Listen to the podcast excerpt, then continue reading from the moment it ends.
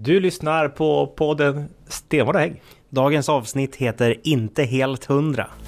Vi är höger du och jag Moderater inför Rosenbad Höger i vårt DNA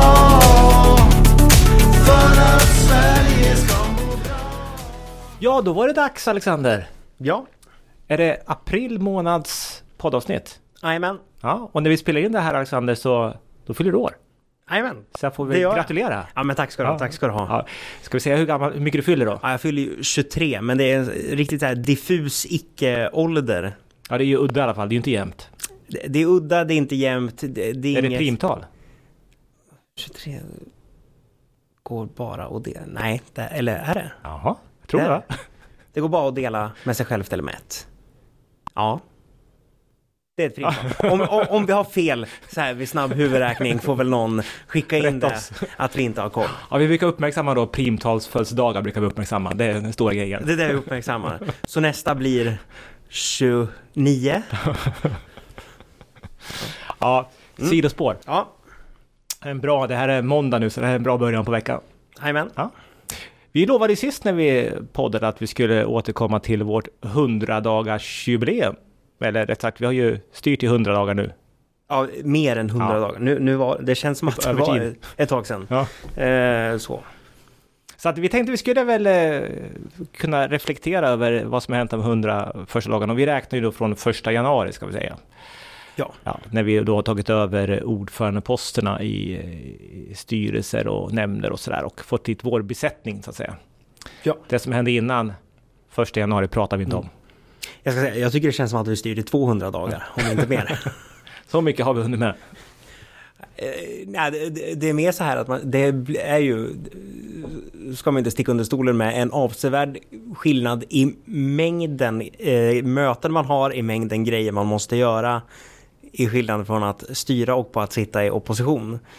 Eh, så det känns i alla fall som att man eh, vi kanske har tidsmässigt styrt i lite mer än 100 dagar, men eh, allt man har gjort så Du har åldrats mer än 100 dagar. Ja, det, jag, jag, jag förstår att, att Barack Obama såg ut att vara 100 år äldre när han var klar med presidentposten. Ja, nej men det är så. Det är ju klart att det är mycket mer som ska göras och... Eh, Var ödmjukt också att jämföra sig själv med Barack Obama. ja, Ja. ja, det var lite... det ska man göra också. Ja. Man ska våga jämföra sig med andra. Precis. Mm, och då kan man sikta högt. Ja. Nej men det är väl så. Det är väl klart att det är mycket som, som görs och eh, många som såklart vill ha din och min och andras uppmärksamhet i ledningen och eh, det man säger nu helt plötsligt har en helt annan betydelse än det som man sa i opposition. Så är det också. Så att, eh, man märker en skillnad där också. Att Mm. Nu kan man göra saker på riktigt. Då kunde man Mm. göra skillnad. Vi brukar ju säga det som devisen det tar bara lite längre tid. Mm. Eh, För vi var tvungna att lägga fram förslagen och diskutera, nöta på. Och till slut så kanske det blev som vi hade velat från början. eh, Något år senare. Jag sa det där med, med att det, det man säger har betydelse på ett annat sätt. Eh, när man styr, när man sitter i opposition till en bekant hemma. Men, men då fick jag bara som respons, ja men du är ju ensambarn så det kan väl inte vara någon större skillnad från hur du har haft i ditt liv. Nej, jag kan säga då att det är, det är viss skillnad. Ja. Så. Du bor dessutom ensam också. Jag gör det. Ja. Då får jag alltid som jag vill. Ja. ja, men eh, vad har hänt under de här hundra dagarna? Har du några, eh, några så här heads up, några tankar kring? Ja, men jag tänker, några av de största grejerna som har tagits beslut om så är det väl ändå eh, beslutet om att se över vår centrala administration. Eh, jag skulle Det är säga... någonting som vi har tjatat om och pratat om i jättemånga år. Mm. Och nu helt plötsligt när man säger det så, då blir det gjort. Så är det. Ja. Vi skulle säga översynen är inte klar än. Nej. Men, eh, men beslutet har tagits och eh, det, känns, det känns bra. Och vi kan säga, vi tog ju beslutet i fullmäktige redan då förra året. Eh, sen så tog styrelsen ett direktiv mer liksom förtydligande vad vi vill ha tittat på och också tidsplanen som är väldigt eh, komprimerad. Eh, så det, jag tror också det har märkts skillnad bland våra, våra tjänstemän att nu, nu händer det saker och det finns ett politiskt tryck på att det ska ske Mm. också. Man gör inte bara ett uppdrag och sen får man se vad som händer utan nu är vi ju på om det där så att det, det kommer ju hända. Så kan jag säga en sak. När vi spelar in det här har det inte klubbats än. Men det ska, nu när vi spelar in det, imorgon så har vi hållbarhetsnämnd. Då ska det här informeras om och sen så ska det klubbas igenom när vi har nämndens sammanträde i juni. Och det är ju vårt trygghetspaket för kollektivtrafiken som kommer nu. Vad innefattar den då? Eh, Det innefattar eh, lite olika delar, lite konkreta grejer som vi ska se över eh, konsekvenser och möjligheter med trygga nattstopp. Det vet jag inte om vi har pratat om i podden tidigare. Vi har pratat om det politiskt när vi har varit i opposition i alla fall. Du har pratat om det i många år vet jag så att det, det kanske händer nu helt plötsligt. Det kanske händer nu att du som resenär under nattetid själv kan få välja vart du vill kliva av bussen där det känns tryggt för dig. Sen är det lite mer luddigt men ändå konkret att eh, X-trafik tillsammans med våra kommuner och fastighetsägare i länet och Trafikverket ska få ta ett helhetsgrepp kring våra hållplatser och stationer och perronger. För det ser ju kanske inte så trevligt ut överallt jämt. Eh, och sen har du ju också det här med eh, kameror har vi ju på våra bussar och så. Men nu ska det vara med ljudupptagning. Det var också en konkret sak som varit väldigt väl mottaget av de som jobbar inom kollektivtrafiken. Eh, så är det, det kommer med nu. Sen ska vi också säga med kameror att eh, åker du typ ett X-tåg så kanske du tänker men där är ju en kamera. Men då kan jag skvallra, det är bara en kåpa. Det sitter ingen kamera bakom den där kåpan. Så du menar falsk marknadsföring, falsk trygghet, Det är just det upplevd falsk Ja. eh, trygghet men den ska bli reell. reell. Så att du kan avslöja att det kommer bli riktiga kameror även på X-tågen. Nej men det är väl en sån del som också togs. Vi har ju jobbat en del med uppdrag i våran budget och det var ju så tydligt som skulle göras och nu, nu händer det och, och det är väl det som är skillnad. I opposition så kan du prata om att du vill att saker ska ske, sen så eh, är det först när du sitter och eh, som du sa att eh, ni ska ha nämnd imorgon och det är också en viss skillnad. Du vet ju att det beslutet kommer gå igenom i juni. ja, Du har maj- majoritet för det så att ja. Eh, sen kanske man kan fila och, och, och om det skulle behöva göras någon, någon justering, men, men eh, det kommer att hända. Så det är kul. Ja. Och tryggt. Kul och tryggt.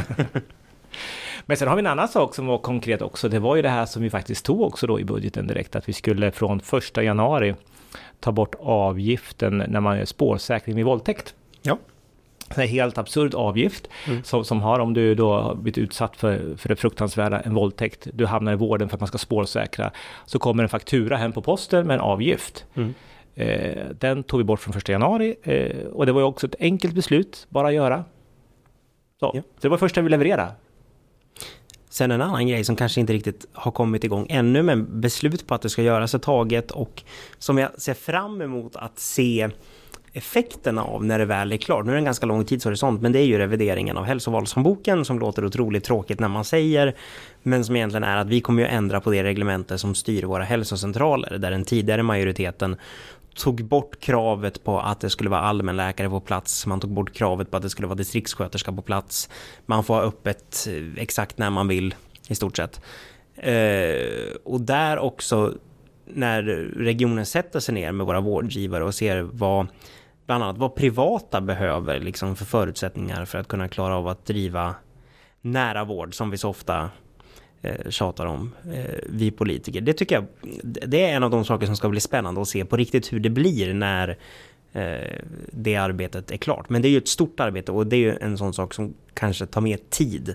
Vi kan ju förtydliga, det är, på, det är ju två olika delar. En del du pratar om först med gäller allmän specialist, att vi återställer det som vi alla, alla var emot. När man tog bort kravet på allmän specialist och distriktssköterska och eh, man behöver inte ha öppet heller på vårdcentralerna.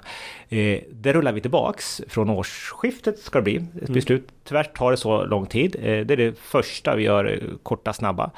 Sen så det här ett längre arbete, det är ju intressanta där är att nu pågår det ju en, nu påbörjar vi en process i dialog med alla vårdgivare, offentliga och privata, om hur ska vi utforma framtidens regelverk för att säkerställa att våra mindre hälsocentraler finns kvar? För de har ju varit hotade i flera år. Ja, Nu vill man ju lägga på att vi håller på att lägga ner, men eh, det är ju tvärtom. Vi vill ju skapa förutsättningar för att de ska kunna fortleva och vara kvar. Ja. Och kanske dessutom bli fler. Och man kör ju också på den här um, hata privata populismen eh, från vänsterhåll nu också. Nu när man hamnar i opposition eh, så blåser man ju på att det är de privatas fel att man stänger. Men jag säger bara, titta bara på Bergsjö hälsocentral. Eh, vänstern tjatar ofta om att ja, det är vi som region som har sistahandsansvaret. När kapitalisterna lämnar, då är det vi i regionen som står där och ska tillhandahålla en god och nära vård. Men i Bergsjö var det faktiskt tvärtom. Där var det regionen som lämnade och så kom det privata in och tog sistahandsansvaret. Och jag kan säga det var samma sak i Bomhus, där jag bor. Mm. Det lämnade regionen och Capio Mm. nu många år sedan. Mm. Eh, Så det finns andra exempel också där man har gjort just det där att man- regionen lämnar.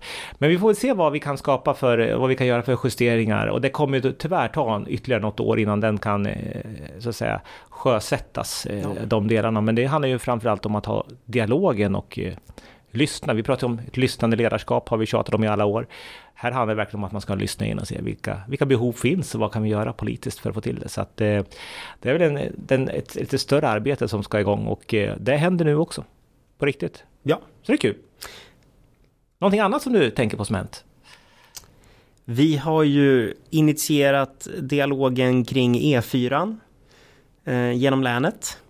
Och där hade vi ju ett, eh, en diskussion om eh, den norra sträckningen genom Nordanstig. Ja, för den ligger ju i pipen nu hos Trafikverket med att komma igång.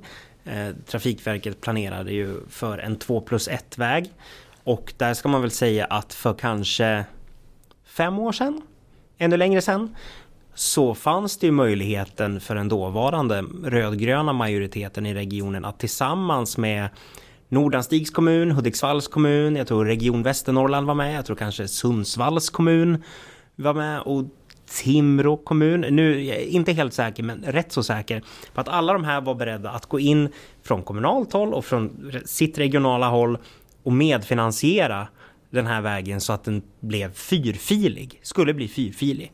Men då var det de rödgröna som då styrde Region Gävleborg som satte sig på tvären och sa nej, vi tänker inte vara med och medfinansiera. Så nu planerar man för en 2 plus 1 väg och vi har ju velat se över, går det att ta ett omtag kring det här? Går det att få till den här möjligheten med medfinansiering nu? Ehm, tyvärr får man väl någonstans konstatera... Du kan göra avbön här. Ja, nu får jag göra det. Och tyvärr får vi väl konstatera att det, det tåget har gått. Eh, tyvärr, man tog inte chansen när man hade den. Vi såg gärna att man gjorde det, men det vi också ser att skulle man göra ett sånt arbete nu så är det inte de pengar man pratade om då. Det, det är mer pengar nu. Allt har stigit i pris så att säga de senaste åren. Speciellt de kanske senaste en, två åren.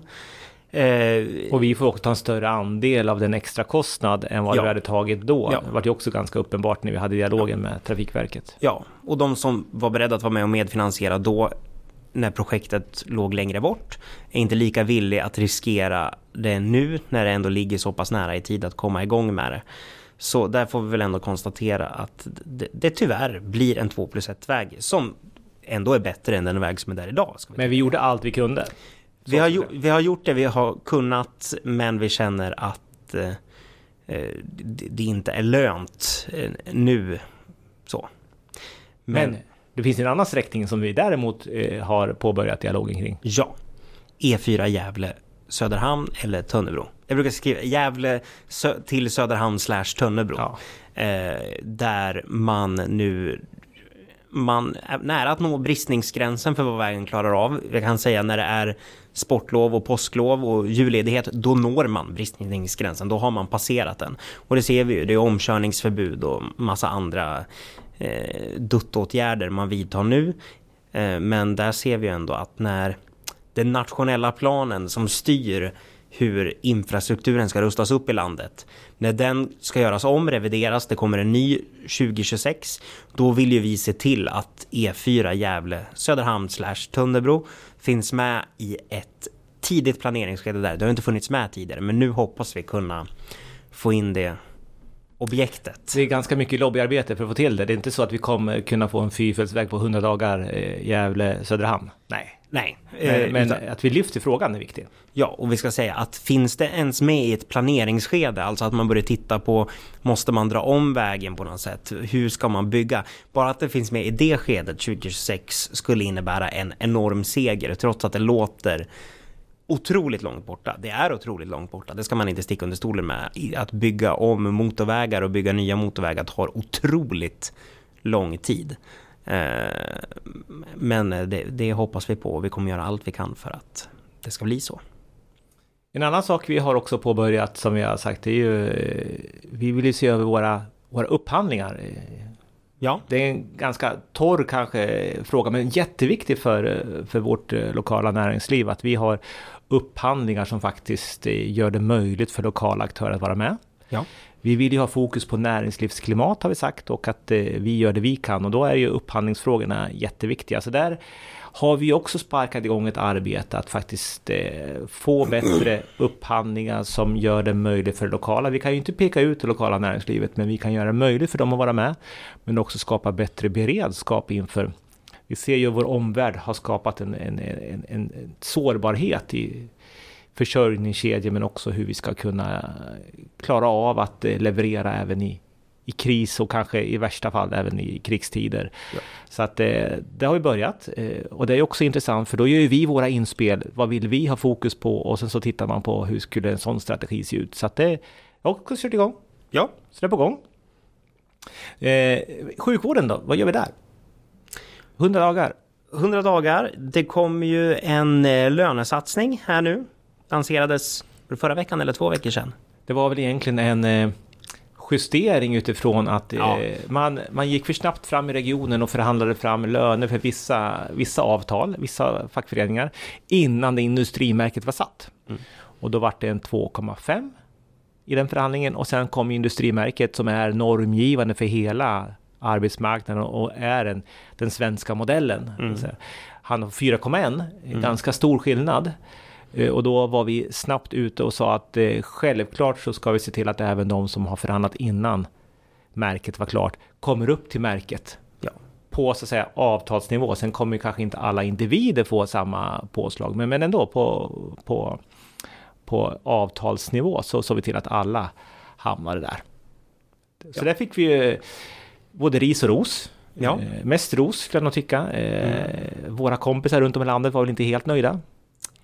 Nej, och ska väl, ekonomiskt är det inte helt oproblematiskt kanske när man ser till hur det ekonomiska läget ser ut, framförallt för Sveriges kommuner och regioner.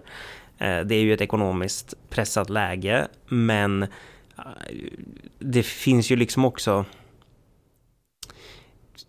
en, hur hur ska jag beskriva det? Om, om en region eh, någonstans, säg att det inte hade varit vi, så hade någon annan gjort det. Och då hade det varit en tidsfråga innan vi egentligen hade varit tvungna att göra det. Och sen ska man ju komma ihåg att det, det är fortfarande tyvärr så att man får en reallönesänkning. Inflationen är ju fortfarande högre än vad märket blev. Ja. Så man kommer få mindre köpkraft eh, ändå. Eh, Men att vi nu lägger oss här det innebär att våra grupper kommer inte halka efter övriga eh, arbetsmarknaden. Och det är en viktig del. Ja. Och sen just i den här delen måste vi också säga den är ju då rent ekonomiskt kostnadsneutral på så sätt att eh, när alla andra eh, branscher och avtal får 4,1% uppräkning så kommer våra skatteintäkter öka motsvarande som täcker vår kostnad för den här satsningen. Så, så den är liksom på det sättet kostnadsneutral. Men vi har fortfarande stora ekonomiska problem i regionen och det är någonting som vi kommer få återkomma till framöver. Men det är eh, riktigt tufft ekonomiskt läge för oss och alla regioner. Ja. Men det får vi återkomma till. Det, det tror jag inte är sista ordet sagt än. Och där gör vi också skillnad på så sätt att vi faktiskt nu jobbar med frågan att eh, titta på det här. Hur ska vi få ordning på det? Men, men vi får återkomma till den. Eh, någonting mer inom vården då? Vi har börjat med även där ett trygghetspaket för Ja. våra medarbetare inom vården. Ja. Eh, har vi också initierat och kört igång. Eh, jag har inte sett något, eh, något resultat riktigt än vad man har kommit fram till. Men man ska titta och se vad är det för insatser som krävs för att våra medarbetare ska känna sig trygg på jobbet. För det vet vi också är en sån viktig, viktig fråga. Det har vi på gång. Ja. Eh, någonting mer vi har gjort? Eller var det allt? Jag kan ju säga det att eh, i närtid så kommer ju också det att eh, en het politisk fråga från förra mandatperioden.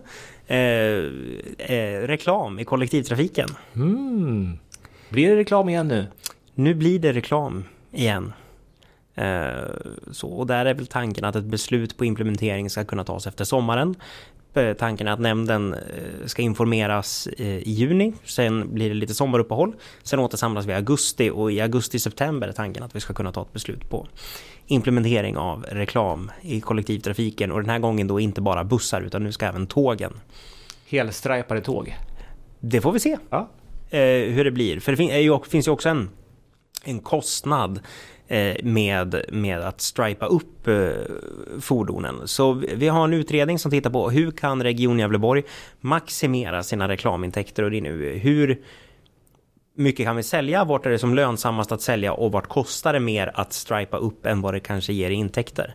Eh, så när den är klar så ska den landa in i något form av förslag till beslut som eh, nämnden kommer att få ta ställning till efter sommaren. Vi kan ju säga det generellt sett så har vi ju ingången att man ska försöka hitta alternativa intäkter till Ja. våra verksamheter. Ja, Eh, där reklam kan vara en del i på våra fordon, ja. i och på våra fordon.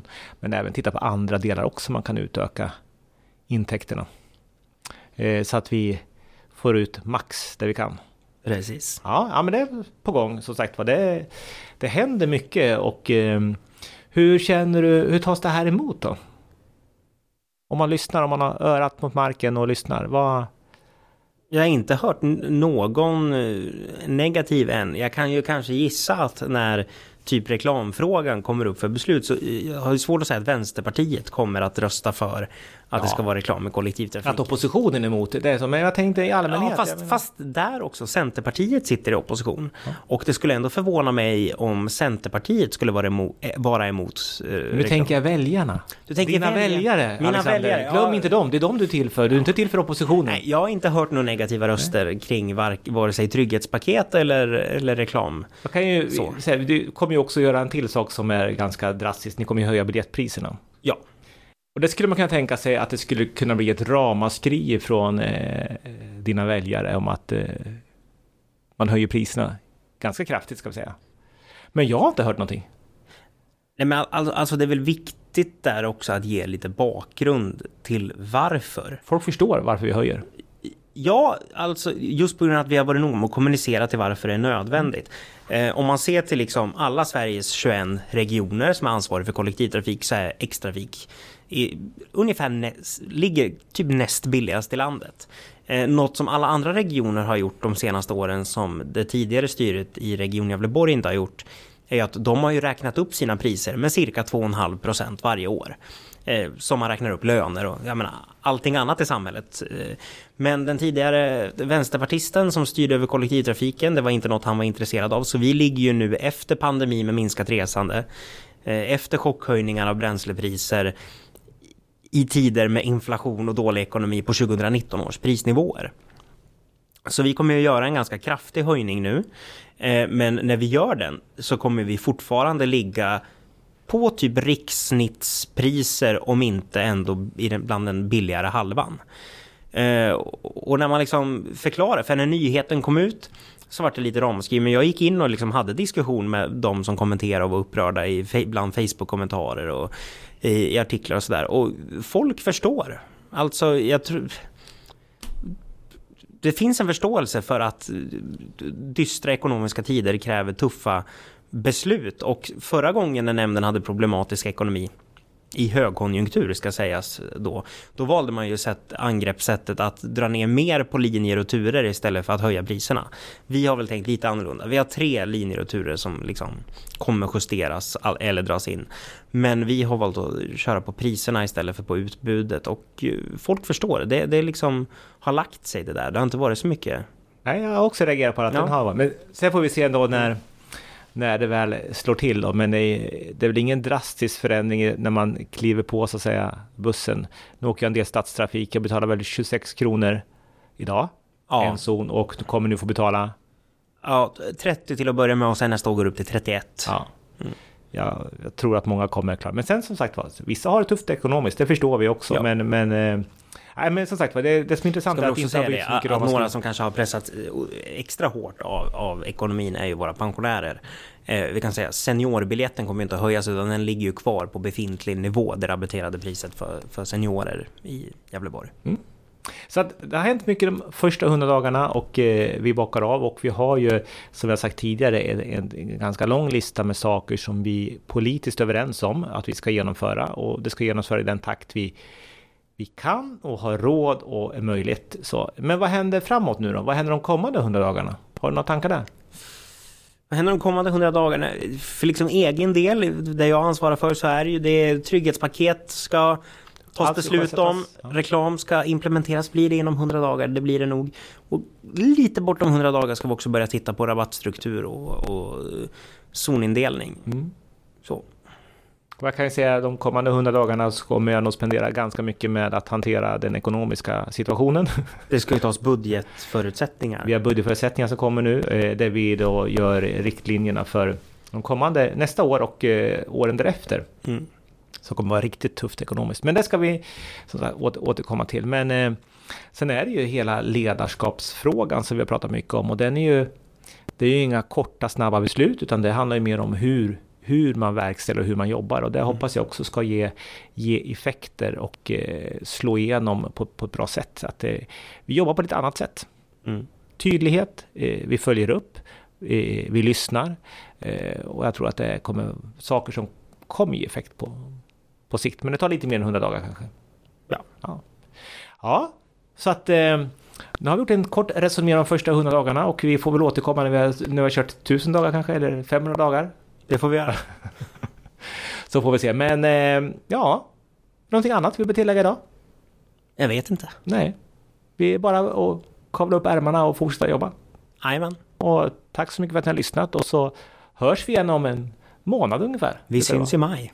Precis. Ha det bra! Ha det bra. Vi är höger du och jag Moderater intar Rosenbad Höger i vårt DNA för att Sverige ska må bra.